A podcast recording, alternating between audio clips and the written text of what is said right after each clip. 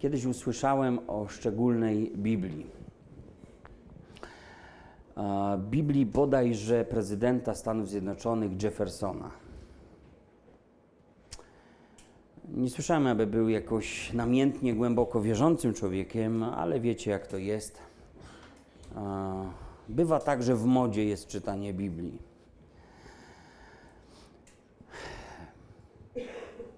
Czytał. I nie wszystko mu pasowało, co przeczytał. I w związku z tym, że przeczytał czasem treści, które go oskarżały, które poruszały jego sumienie, nie chciał więcej już do nich wracać. I nie chciał po prostu, aby jeszcze raz jego sumienie było poruszone. Ale Biblię chciał czytać. Wiecie, co zrobił? Wycinał niewygodne teksty jakąś brzytwą czy żyletką, żeby już więcej na nie nie trafić. I czytał dalej Biblię. Ponoć ta Biblia gdzieś znajduje się w jakimś muzeum i jest do obejrzenia. Są w Biblii takie treści, które najchętniej byśmy ominęli. Kłócą się ze sposobem, w jaki widzimy nasze życie.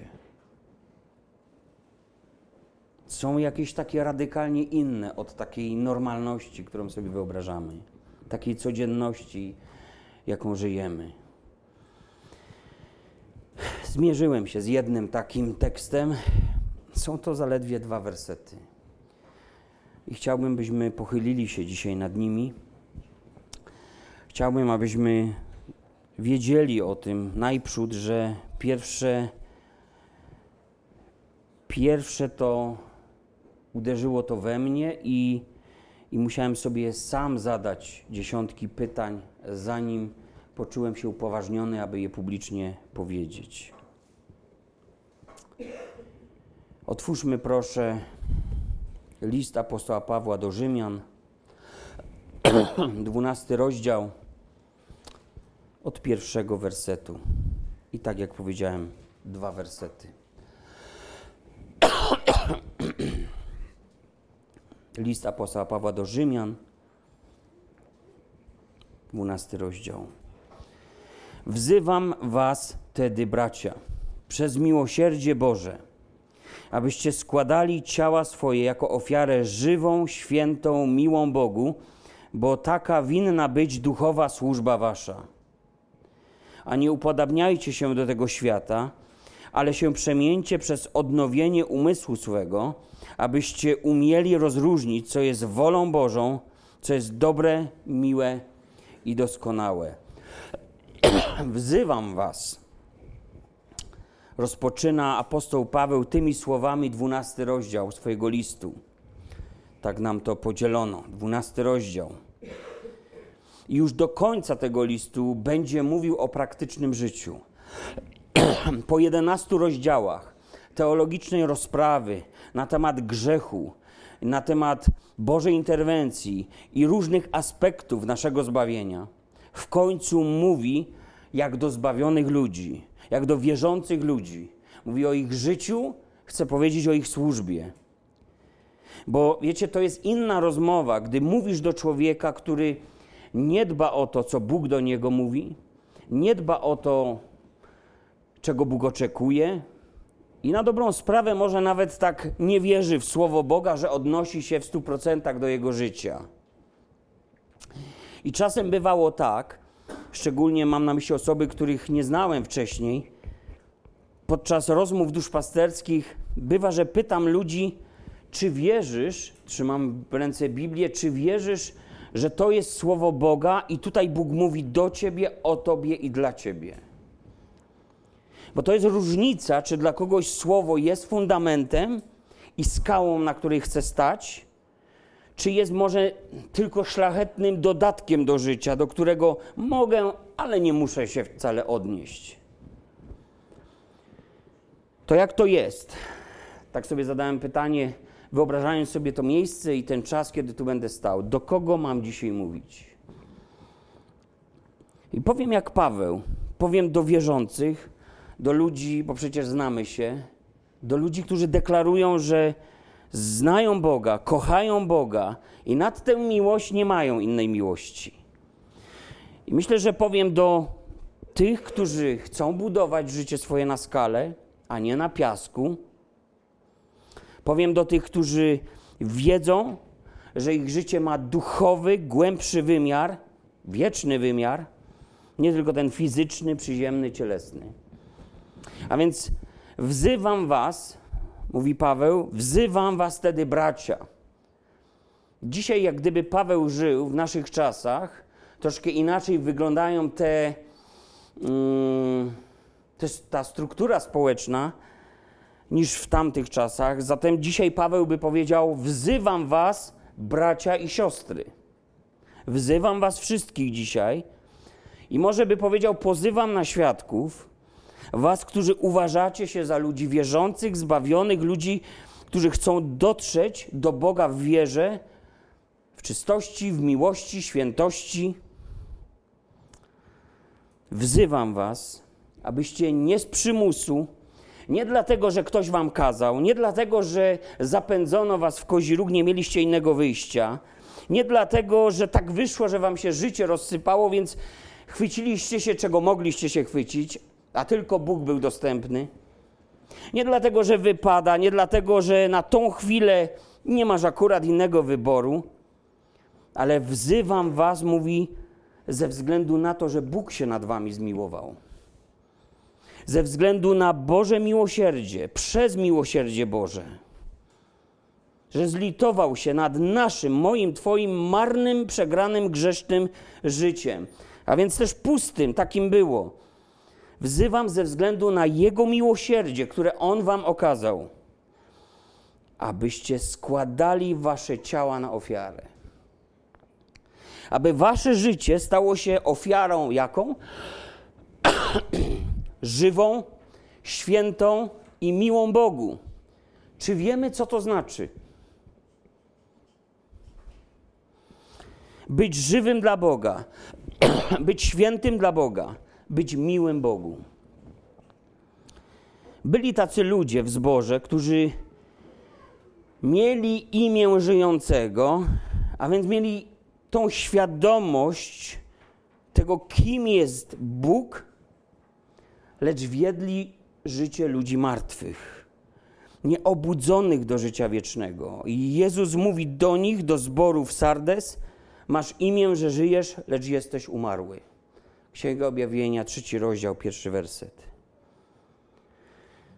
A więc pierwsze przesłanie Pawła brzmi: Nie żyj jak martwy człowiek, ale żyj jak człowiek powołany do szczególnego zadania, jak oddzielony do zaszczytnego celu, jak przeznaczony do realizacji wyjątkowego planu, jak człowiek, który jest miły Bogu. A czy wiemy, co to znaczy być miłym Bogu. Czy zdajemy sobie sprawę z tego, ile można stracić, nie troszcząc się o to, jak być miłym Bogu? Posłuchajcie. Trzy wyjątki z księgi Daniela. Gdy zacząłeś zanosić błaganie, wyszło słowo, a ja przyszedłem, aby ci je oznajmić, bo jesteś bardzo miły. Uważaj więc na słowo i zrozum widzenia. 9 rozdział 23 wers. I rzekł do mnie: Danielu, mężu miły, uważaj na słowa, które ja mówię do ciebie i stań tam, gdzie stoisz, bo teraz jestem posłany do ciebie. A gdy wypowiedział do mnie te słowa, powstałem drżąc. Dziesiąty rozdział, jedenasty werset. I rzekł: Nie bój się, mężu miły, pokój ci, bądź mężny, bądź mężny. A gdy rozmawiał ze mną, poczułem siłę i rzekłem: Niech mój Pan, e, niech mówi mój Pan, bo mnie posiliłeś. Dziesiąty rozdział, dziewiętnasty werset. Jakiego posilenia, wzmocnienia, odnowienia, pokrzepienia doświadczali ci, którzy byli miłymi Bogu? Bo lista na Danielu się nie, nie zamyka, ona się dopiero otwiera. Słyszeli Boży głos docierało to do nich, co on do nich mówił. Wiedzieli, że to Bóg, a nie jakiś głos bez znaczenia. Tyle głosów jest w tym świecie. Ich serce pałało, gdy on do nich mówił. Reagowali, doznawali pobudzenia, prze, przebudzenia. Tak, drżeli, bo wiedzieli, z kim mają do czynienia. Obawiali się, nie byli pewni, jaki los ich spotka, ale doznawali cudownej łaski ostatecznie i tak się to kończyło. Czy jestem, czy jesteś miły Bogu? Czy jesteś miłą Bogu? Piotr zaś otworzył usta i rzekł: Teraz pojmuję naprawdę, że Bóg nie ma względu na osobę, lecz w każdym narodzie miły mu jest ten, kto się go boi i sprawiedliwie postępuje. Posłał on synom izraelskim słowo, zwiastując dobrą nowinę o pokoju przez Jezusa Chrystusa.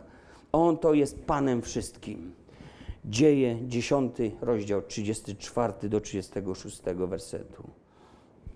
Miły Bogu ma bojaźń. To znaczy ma jakiś kręgosłup moralny, nie posunie się do tego, co mogłoby spowodować Boży gniew. Takim był Korneliusz. I uwaga, zanim przyszedł Duch Święty i zanim zbawienie stało się udziałem jego domu. I Piotr te słowa wypowiedział właśnie w tym miejscu. To mówi mi dzisiaj, że mam nie pogardzać ludźmi religijnymi, bo może się okazać, że mnie wyprzedzą do Królestwa Bożego. Może się okazać, że się wywyższam, a Bóg tych poniżonych wywyższy bardziej niż mnie, bo mnie poniżyć może. Bóg woła takich ludzi, Bóg przyciąga takich ludzi, Bóg chce uratować takich ludzi, zbawić, poprowadzić ich chce dalej, ludzi religijnych. I chce wykorzystać takich jak ty, jak ja, jak wtedy Piotr, aby poprowadzić ich dalej, bo ma plan dla ich życia. Bać się Pana znaczy nienawidzić zła. Początkiem mądrości jest bojaźń Pana, mówi Salomon, i, i my wszystko to znamy. My według tego chcielibyśmy żyć. Ale czy naprawdę?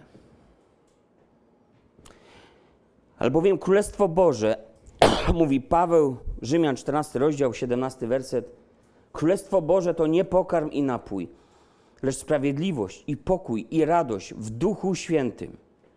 Bo kto w tym służy Chrystusowi, miły jest Bogu i przyjemny ludziom. Mogę, możesz być miły Bogu w sprawiedliwości, w radości i pokoju Ducha Świętego. Ale czy ten Duch Święty ma wolność w moim Twoim życiu, aby przynieść takie owoce? To są owoce charakteru Chrystusa. Lista, jak wiemy, jest dłuższa. List do Galacjan ją podaje. I drodzy, to jest ofiara żywa, święta, taka, w której Bóg ma upodobanie. Miła woń, miły Bogu człowiek. Pomijmy to, że przyjemny ludziom, bo to też czytałem. Z apostoł Paweł pisze, taka właśnie powinna być wasza służba. Nie chcę od was krwawych ofiar, nie chcę całopaleń. Tak mówił Bóg do ludzi, którzy chcieli jakoś Bogu zrekompensować tą stratę w postaci życia na modłę tego świata. Albo według widzimisię, bo i tak żyli. I tak to było za czasów proroków, kiedy Bóg ustami tych ludzi mówił: Zbrzydły mi wasze święta, obrzydły mi wasze sabaty. Obrzydły mi wasze ofiary, mówił ustami proroków. A ludzie żyli według widzimisię. Tak jak sami chcieli, tak jak im się podobało, wydawało. A Bóg ciągle mówił: Chcę od was prawdziwego życia, poświęconego, oddanego. Nie chcę resztek, nie chcę ochłapów, nie dawajcie mi pozostałości. Chcę, aby to, co najlepsze było ofiarowane. Nie to, co z wam zbywa, ale to, co jest czyste, bez skazy, bez żadnej wady. Najlepsze z najlepszych sztuk wówczas waszego bydła, waszych baranków. Takie coś miało być poświęcone Bogu. Bogu, który, o którym wiedzieli, kiedy szli do świątyni, Bogu, w którym mieli nadzieję, że On się nad nimi zlituje i zmiłuje. Bogu, który każdego dnia nad wami się lituje, tak mówi Biblia. Codziennie lituje się i pożycza, a potomstwo Jego jest błogosławione. Stroń od złego i czyń dobrze, a zawsze będziesz mieszkał bezpiecznie. Psalm 37, 26, 27 werset. Codziennie lituje i pożycza. Lituje to dobrze, a pożycza? Nie, nie, nie, Panie Boże, to moje jest. Co jest moje, to jest moje, a co jest Twoje, to jest Twoje. Jak się lituje ojciec nad dziećmi, tak się lituje Pan nad tymi, którzy się go boją, bo On wie, jakim tworem jesteśmy. Pamięta, żeśmy prochem. Psalm 103, werset 13 i 14. Wiecie, czytałem to, myślałem o tym i zastanawiałem się, jaką ofiarą jestem. Czy jestem ofiarą miłą Bogu? Jeśli nie masz bojaźni i dajesz Bogu ze swojego życia coś tam, może byle co, no to drżyj, drżyj o swoje życie, bo no masz powód, masz uzasadnienie, żeby się obawiać. Bóg wszystkie byle jakie ofiary zdmuchnął. Nie przyjął nic, bo za nic mu to było poczytane. Tak jest od czasów Kaina, który złożył ofiarę inną niż Abel. I tak jest do czasów Kościoła, kiedy Ananiasz i Safira przynieśli pokaźną sumę. I Bóg to zdmuchnął, a jak dmuchnął, to po nich było. I nawet najmniejsze poświęcenie, ale które pochodzi ze szczerego, oddanego serca, nie było przez Pana niezauważone. Przypomnijmy sobie choćby wdowi grosz. Ochotnego dawcę Bóg miłuje. Wspiera ludzi swoją łaską, ludzi bogobojnych, oddanych.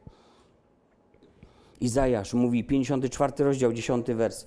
A choćby, choćby góry się poruszyły i pagórki się zachwiały, no to już poważna sytuacja, prawda?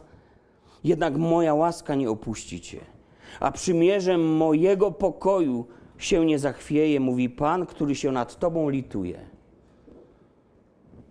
Więc wracając do apostoła Pawła, niech więc wasza służba duchowa, a jest to obraz całego naszego życia,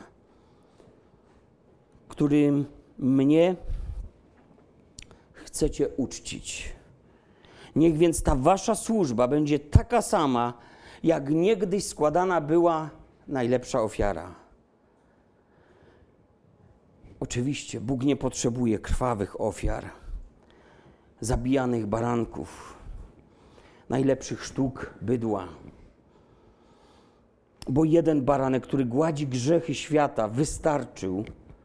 Ale teraz ja i ty mamy być ofiarą Bogu miłą, nie dla zgładzenia grzechów, bo nie jesteś w stanie zapłacić Bogu za Jego zbawienie, zmiłowanie, ale mamy być taką ofiarą ze względu na okazane już nam miłosierdzie. A więc nie oddawaj na ofiarę Bogu to, co liche, nie przeznaczaj na ofiarę to, co marne, nie dawaj to, co ci zbywa, ani tego, co ci lekko oddać. Nie poświęcaj Bogu tego, na czym ci nie zależy i tego, co cię nic nie kosztuje, ani tego, co jest tanie, tandetne, powszednie i każdy mógłby to dać, czy wierzy, czy nie wierzy, bez problemu. Nie oddawaj Bogu byle jakości. Takie rzeczy każdy mógłby oddać bez żalu, bez przymusu, nawet bez wiary. Czy wiecie, że Izrael, gdy składał ofiary, byle jak, a bywało, że z byle czego, gdy tylko coś przy, tym, przy tych ofiarach kombinował, kalkulował, zamieniał, podmieniał, zastępował, to co cenne tym, co pospolite, zawsze narażał się na gniew Boga. I było jak w przysłowiu: Pan Bóg nierychliwy, ale sprawiedliwy. Przypomnijcie sobie synów Helego na przykład. którzy kombinowali przy ofiarach. A przypomnijcie sobie czasy zakonu.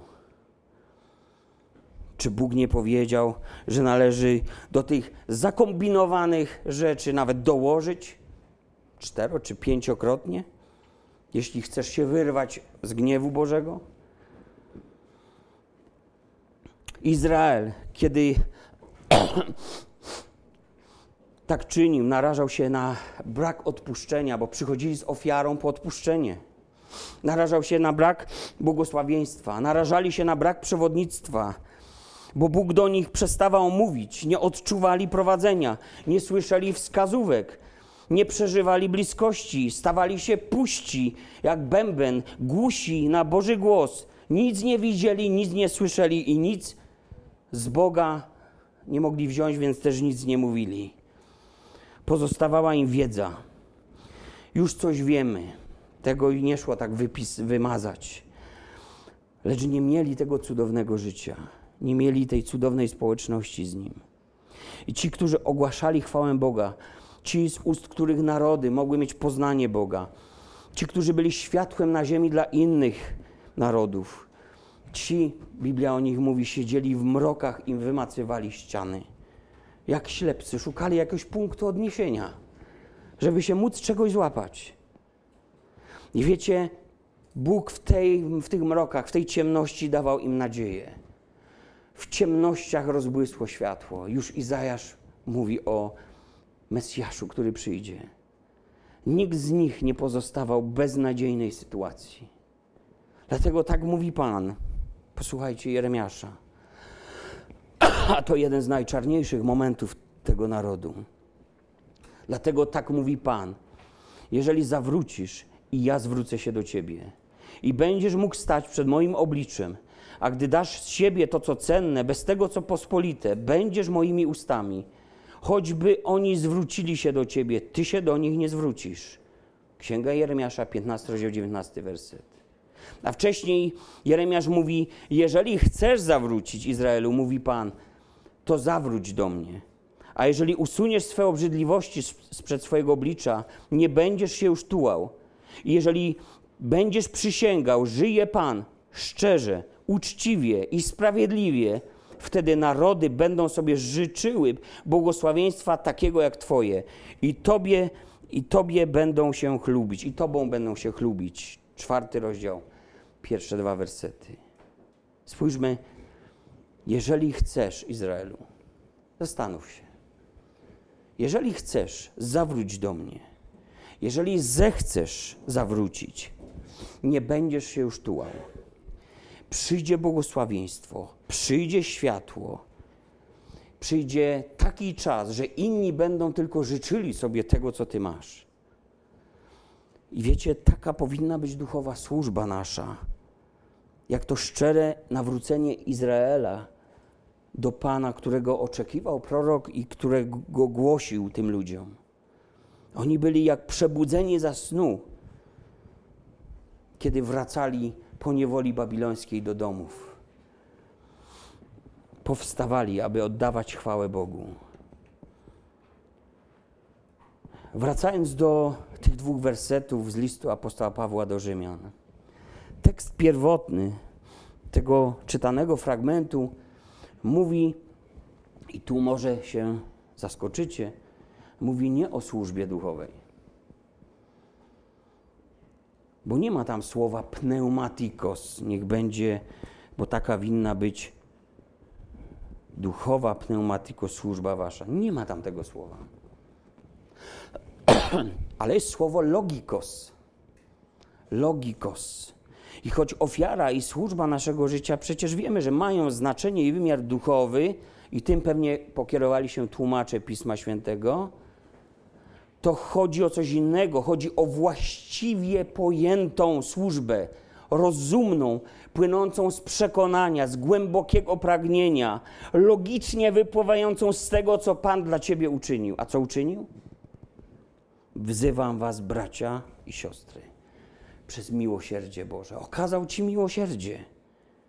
Więc naturalną konsekwencją, logiczną, skutkiem pewnym powinno być, że nasze życie jest inne niż życie pogan, którym, których umysły zaślepił duch tego świata i nie widzą. Niech więc ta wasza służba, a chodzi o życie, bo ono staje się ofiarą, niech więc ta wasza służba, jak poświęcona była ofiara składana na ofierze Bogu, niech ona taką będzie, niech to wasze życie będzie takie, jakim go pragnie odebrać jako ofiarę z waszych rąk Bóg. Jest tak, czy tak nie jest? Twój dzień, Twoje wybory, Twój czas, Twoje wysiłki, Twoje dobra, gdzie idą Twoje nogi, co robią Twoje ręce, gdzie patrzą Twoje oczy. To jest wszystko jest żywa ofiara. Ty żyjesz, człowieku, ale jak?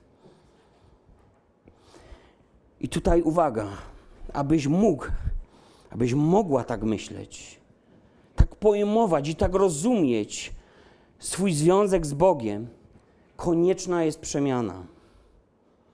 Człowiek w tym świecie, Biblia o tym mówi, Jezus o tym powiedział, ma dwie drogi: tą naturalną, nazywaną przez niego szeroką, i drogę duchową, nazywaną wąską.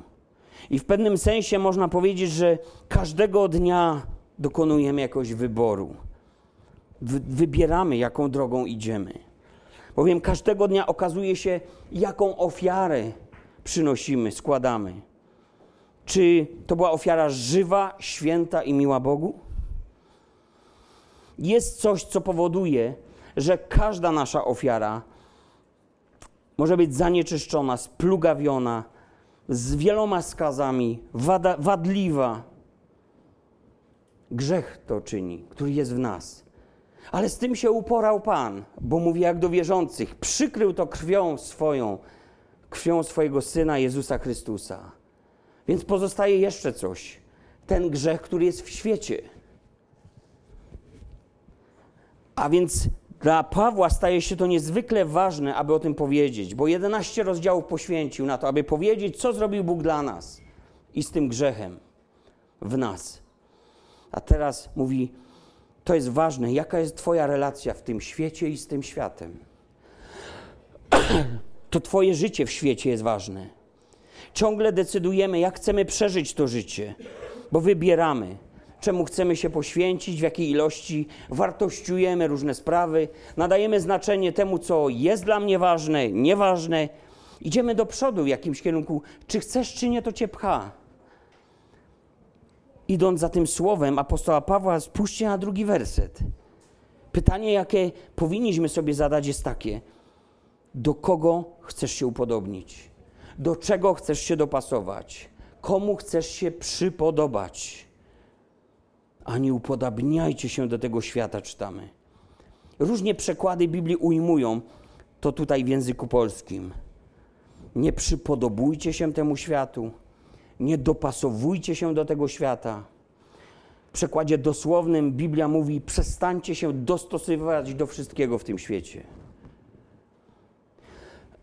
Albo więc się dostrajasz, czyli tańczysz, jak ci zagrają Albo kierujesz się Słowem Bożym i wiesz, że są granice i na pewne nuty, które zabrzmią w tym świecie, ty nie odpowiesz.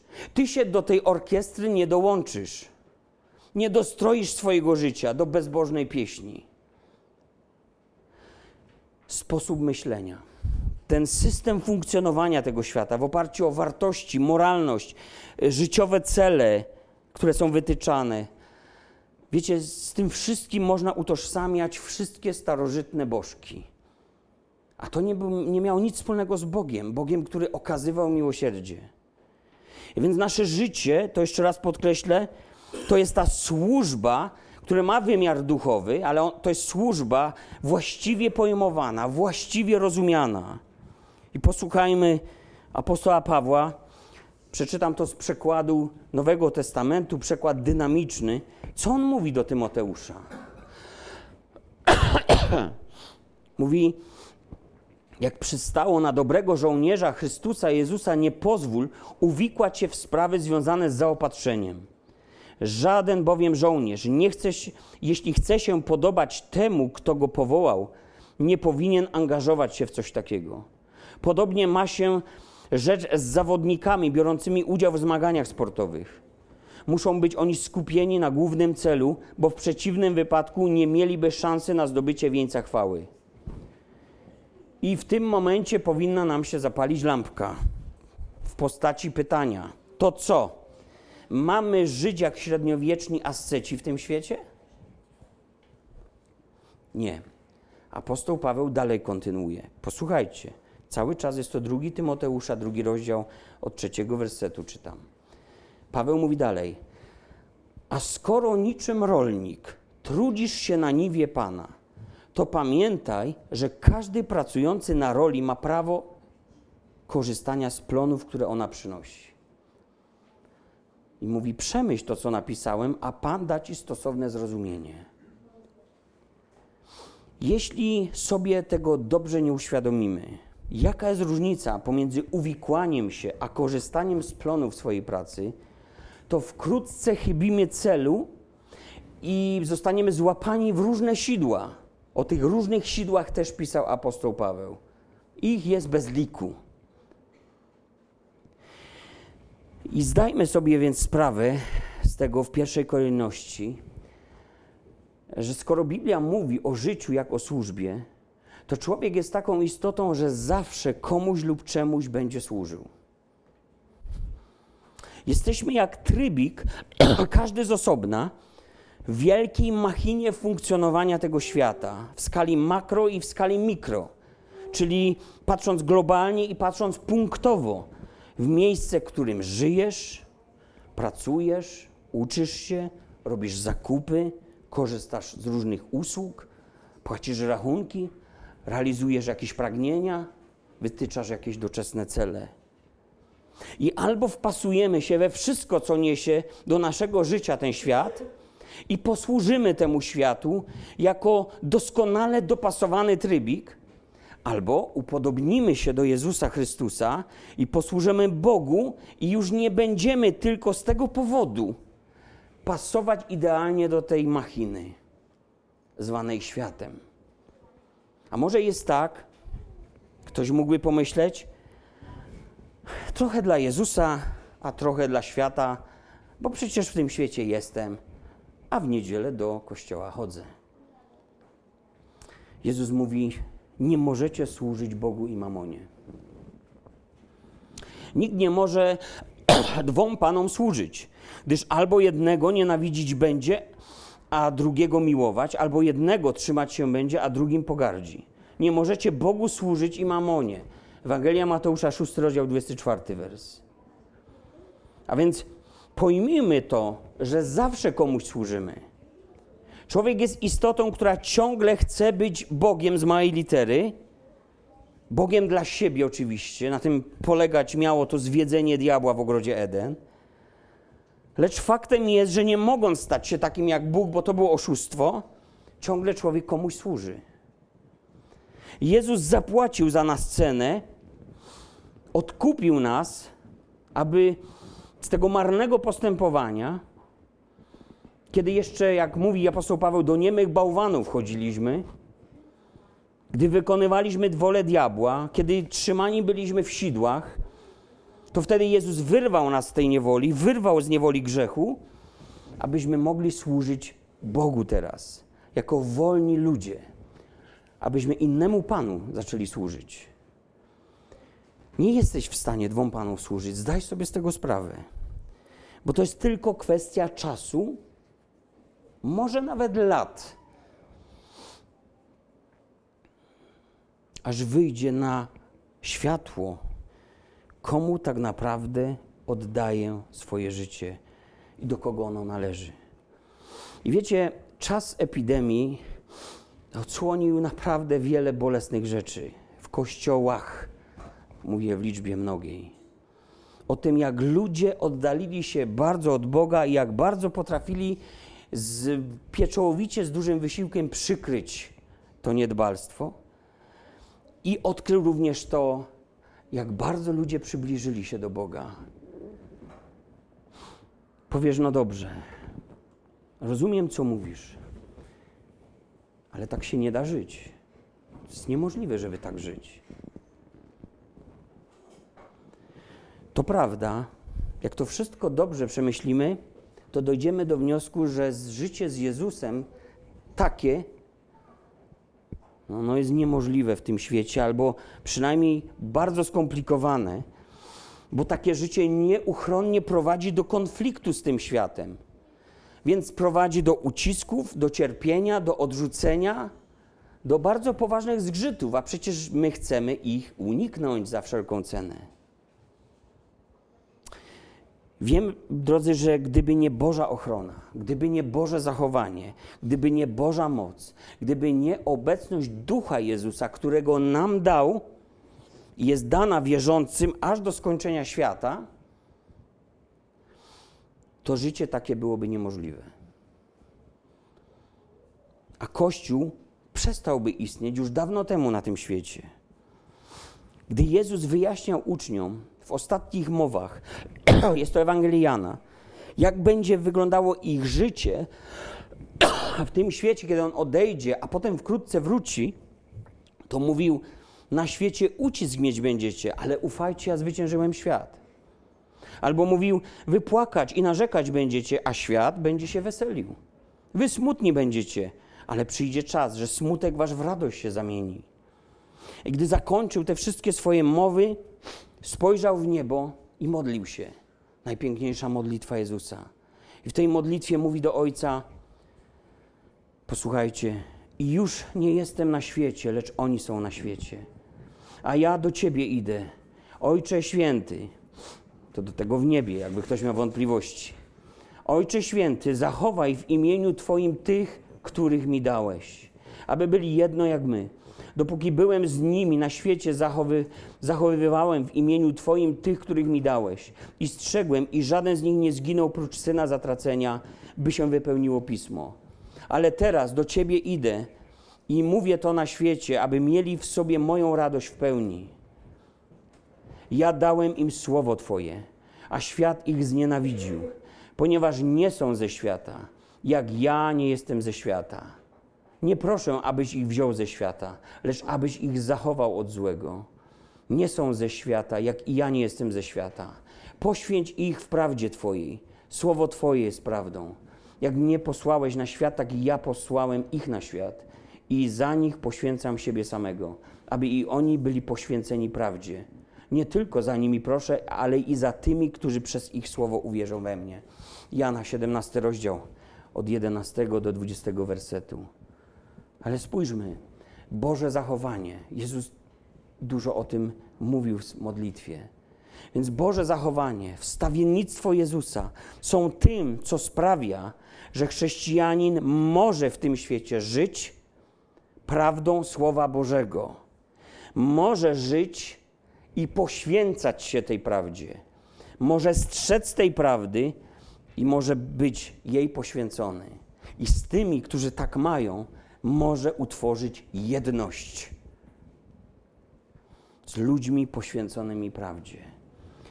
Więc albo miłuję, miłujesz Pana Jego Słowo, idąc tym tokiem myślenia słów Jezusa, że nie można dwom Panom służyć, Bogu i Mamonie, więc albo miłujesz Pana Jego Słowo, albo pogardzisz Panem i znienawidzisz Jego Słowo. W tym sensie, że nie będziesz chciał być już niepokojony jak Jefferson. Nie będziesz chciał, aby ono dotykało Twojego sumienia, aby wychowywało Cię w sprawiedliwości, aby odkrywało nasze błędy, prowadziło nas do poprawy. A nie będziesz chciał, bo będziesz żył jak człowiek, który jedzie autem w zimowy wieczór, śniegu napadało mnóstwo, wszystko zmrożone i jedziesz w kolejnach. I co w tych kolejnach jest? Wydaje się, że jest bezpiecznie. Wyskocz z tych kolejn i autem będzie zamiatało na drodze, prawda? Przeżyłem nawet teraz, kiedy był jeden dzień śniegu. W kolejnach wydaje się bezpiecznie, czyli żeby było jak było, a słowo ciągle porusza, ciągle wyrywa mnie z tych kolejn. Słowo prowadzi cię do upodabniania się do Chrystusa i w ten sposób oddala cię od upodabniania się do tego świata. I to jest problem, bo to są dwa różne światy, dwie różne drogi. Dlatego nie można służyć Bogu i mamonie. Pierwsze przykazanie: nie będziesz miał innych bogów obok mnie, bo jestem Bogiem zazdrosnym. Mamona, o której powiedział Jezus, to śmiertelny wróg Boga. To taki inny Bóg rywalizujący z tym prawdziwym. A przez to również to powinien być wróg chrześcijan. Pierwotnie Mamonos był bożkiem. Jest to potoczna aramejska nazwa kananejskiego bożka dobrobytu, bogactwa, zasobności, stabilizacji życiowej. To słowo pochodzi od prostego słowa mamon, które oznaczało zysk. Zysk. To znaczy, że muszę, musisz zdać sobie sprawę z tego, co jest dla ciebie zyskiem, a co stratą. Co jest skarbem, o którym myślisz, zabiegasz, poświęcasz się, bo gdzie skarb i tam będzie serce twoje. Musisz przerobić na własnym życiu tą lekcję, co to znaczy stracić duszę dla Jezusa, żeby ją zyskać. Co to i, I również, co to znaczy cały świat pozyskać, a na duszy swoją szkodę ponieść. Niektórzy muszą też dojść do tej lekcji, aby dopiero mieć się od czego odbić. Bywa, że za późno.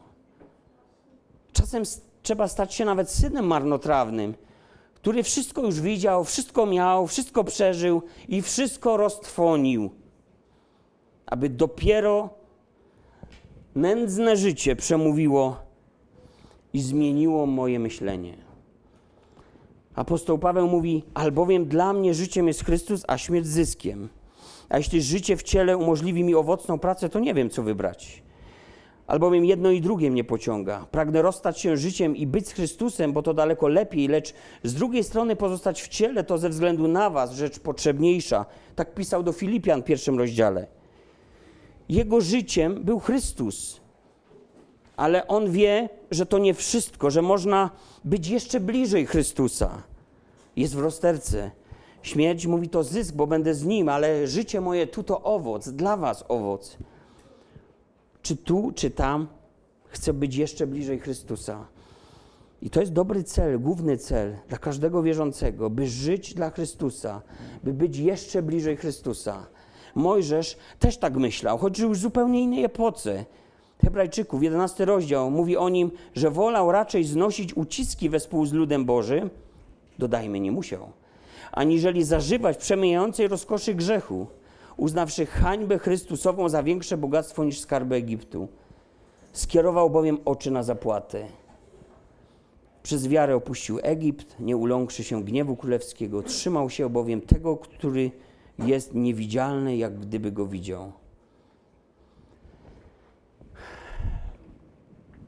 Można i tak. Drodzy, jaki jest kierunek tego świata? Nie upodabniajcie się do tego świata, tak? Nie dostosowujcie, nie dostrajajcie. Jaki jest kierunek tego świata? Czy to jest ten sam kierunek, co ludzi pielgrzymujących, zmierzających na spotkanie z Bogiem? Świat jest zorientowany na zysk. Ten czy inny, ale zawsze to jest pod tą samą nazwą zysk. A więc mamona. W czasach COVID-u ludzie boją się o wszystko bo wszystko, na czym im zależało, zostało wstrząśnięte i wszystko stało się niepewne. Zrobią wszystko, aby to mieć, aby tego nie utracić, aby to zachować, a jeśli jeszcze nie mieli, aby to zdobyć, bo może dla jednych to jest czas wstrząsu, a dla drugich to jest czas szans. Biblia jednak mówi, że te trzy rzeczy rządzą tym światem i wokół tych trzech wszystko się kręci i tak jest od tysięcy lat. Apostoł Jan w pierwszym liście mówi, drugi rozdział, szesnasty werset, bo wszystko, co jest na świecie, porządliwość ciała i porządliwość oczu i pycha życia nie jest z Ojca, ale ze świata. I świat przemija wraz z porządliwością swoją, ale kto pełni wolę Bożą, trwa na wieki. A więc ciało, które pragnie, oczy, które chcą mieć i myśli człowieka, które prowadzą go do pychy. Lecz wszystko to czeka zagładę. Koniec tego jest przesądzony. Apostoł Piotr, inny, wiedząc o tym, że taki koniec czeka ten świat, stawia pytanie: Skoro to wszystko ma ulec zagładzie, jakimiż powinniście być wy w świętym postępowaniu pobożności? Drugi Piotra, trzeci rozdział, jedenasty wers. I żyjąc w tym świecie, takim, jakim on jest zorganizowany, takim, jak on funkcjonuje, z tym, co jest dla ludzi tą przewodnią wartością, myślą, zysk. Potrzebujemy przemieniać swój umysł. Nie upodabniajcie się do świata, mówi Paweł, ale co? Biblia Warszawska, przekład Biblii Warszawskiej mówi, ale się przemieńcie. No i niestety jest tutaj błąd w tłumaczeniu. Bo kiedy weźmiesz każdy inny przekład pisma, no może prawie każdy tak bezpiecznie powiem, albo weźmiesz tekst grecki do ręki, to zobaczysz, że tam słowo powinno być przemieniajcie się. Przemieniajcie. Bo to jest coś, co musi nam towarzyszyć podczas całego życia, ciągle, stale, ustawicznie. Bo życie w tym świecie to nie jest urlop, to nie jest postój, ale to jest walka, to jest duchowa walka. A polem tej wojny są nasze umysły, o które diabeł walczy.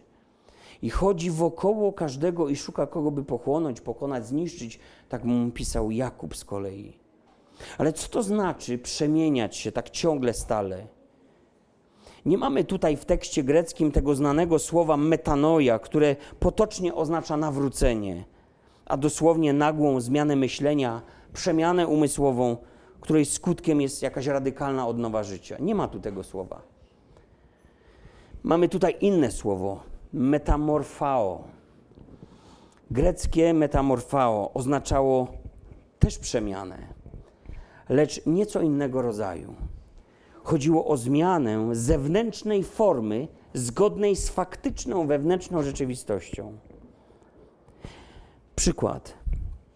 Jeśli larwa motyla nie miałaby w swoim DNA wpisanej rzeczywistości pięknego motyla, jeśli nie przyjęłaby też pewnych składników odżywczych umożliwiających to wyrwanie się z kokonu, z tego stadium larwy, jeśli by jej sposób życia nie był nastawiony na tą przemianę, to nigdy nie przeszłaby tego procesu. Aż do postaci tego pięknego motyla, który potrafi oderwać się od ziemi, pofrunąć wysoko, i wtedy ta larwa, mimo swych marzeń o lataniu, zawsze pozostałaby larwą w kokonie i pełzałaby po ziemi. I drodzy, choć w świecie są różne metamorfozy i różne metamorfozy można przechodzić, stylowe, modowe, zawodowe, psychologiczne, nawet religijne, to jednak nie można przejść metamorfozy z kogoś w kogoś, kto wewnętrznie nie jest tą osobą, albo kto nie chce być tą osobą. Myślałem, że uniknę tego tematu, ale powiem. Dwie wycieczki do dietetyka. Udane czy nieudane? Patrząc po latach. No właśnie. Pierwsze miesiące udane. Ale to, co mi przedstawił dietetyk, to nie było moje życie. O, to nie tak. Zrobię to dlatego, dla tamtego, dla tego powodu, jeszcze tamtego zdrowie i innych mnóstwo powodów. Ale to nie jest moje życie, bo ja lubię inaczej. No i ta metamorfoza się chyba nie udała dietetykom, patrząc dalekosiężnie. I właśnie tak może być z naszym duchowym życiem. Nieudana metamorfoza polega na tym, że człowiek otoczony jest czynnikami, które wpływają na niego i jest w stanie się do nich dostosować, nawet przez jakiś okres czasu, ale nie jest w stanie autentycznie się utożsamić z tym, dlatego nie może dalekosiężnie patrząc się przemieniać.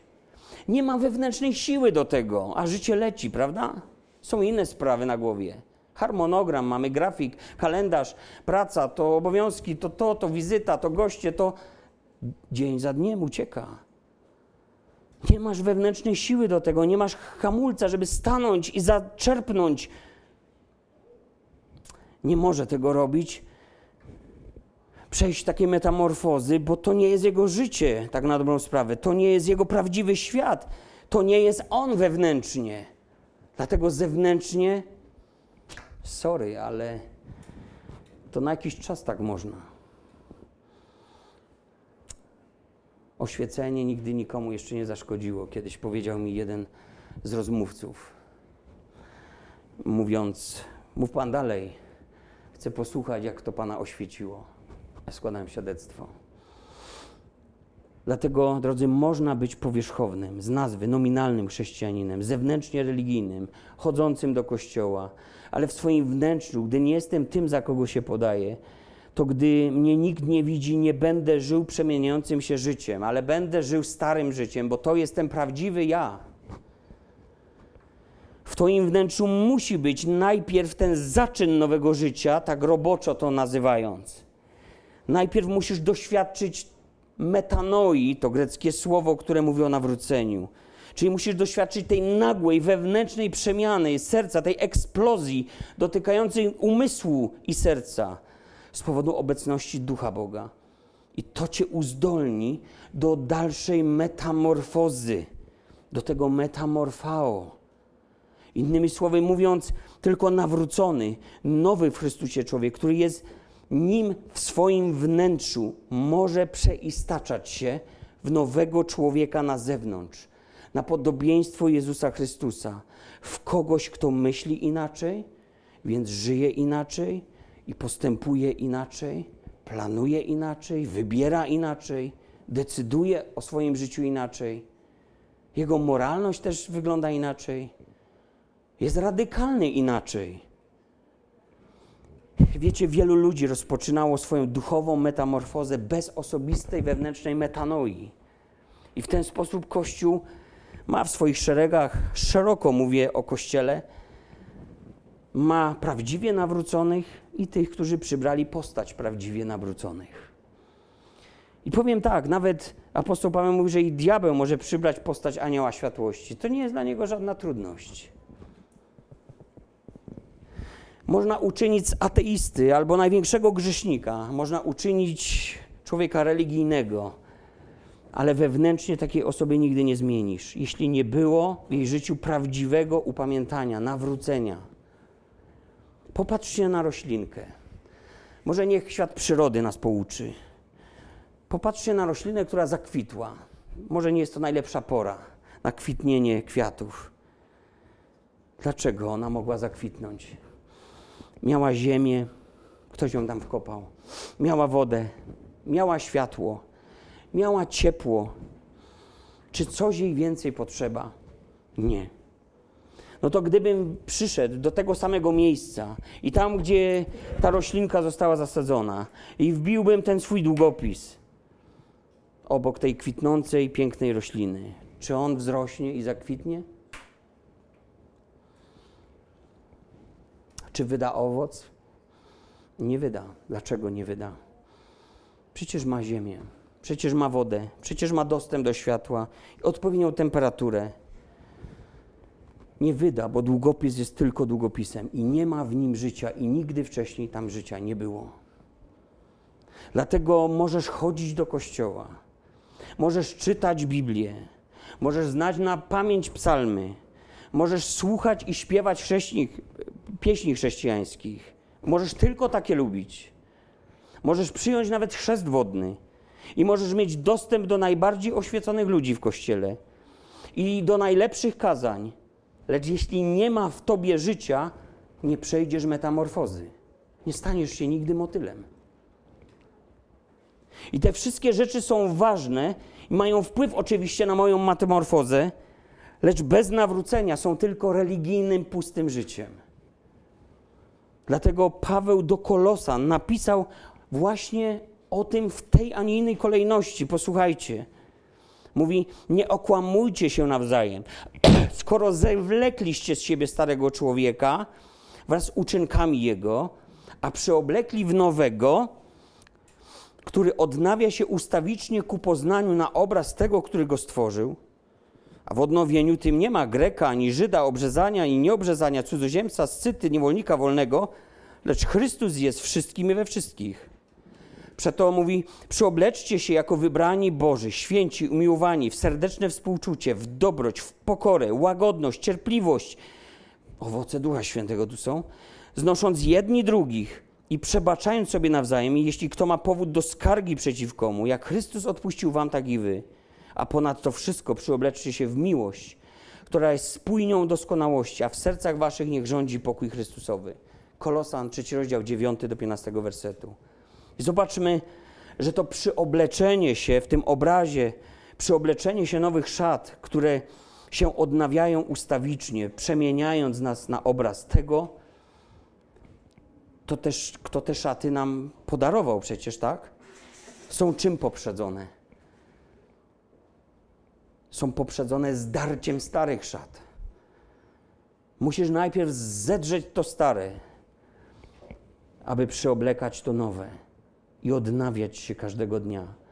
Jeśli więc jesteś chrześcijaninem, jesteś powołany do metamorfozy, gdy Twoje wnętrze rozwija się, Twój charakter zmienia się. To są lata, ale to się dzieje naprawdę.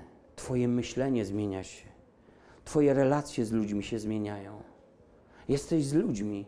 Jak żelazo ostrzy się żelazem, tak myślenie jednego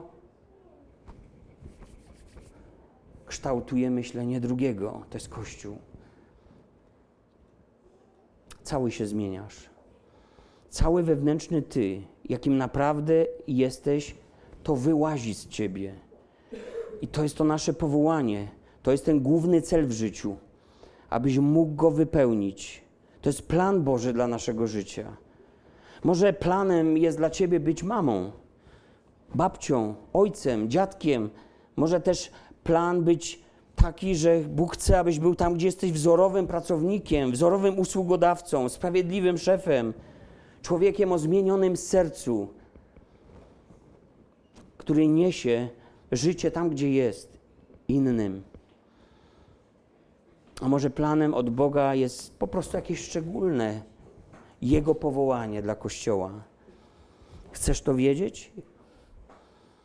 Co Bóg przygotował dla Ciebie? Bo Bóg wszystko wcześniej przygotował. Nie przyszedłeś na świat bez planu. Ten plan już był, zanim się pojawiłeś. W liście do Efezjan, drugim rozdziale, Paweł mówi o zbawieniu za darmo z łaski przez wiarę, nie z uczynków, by się ktokolwiek nie wywyższał, nie chlubił.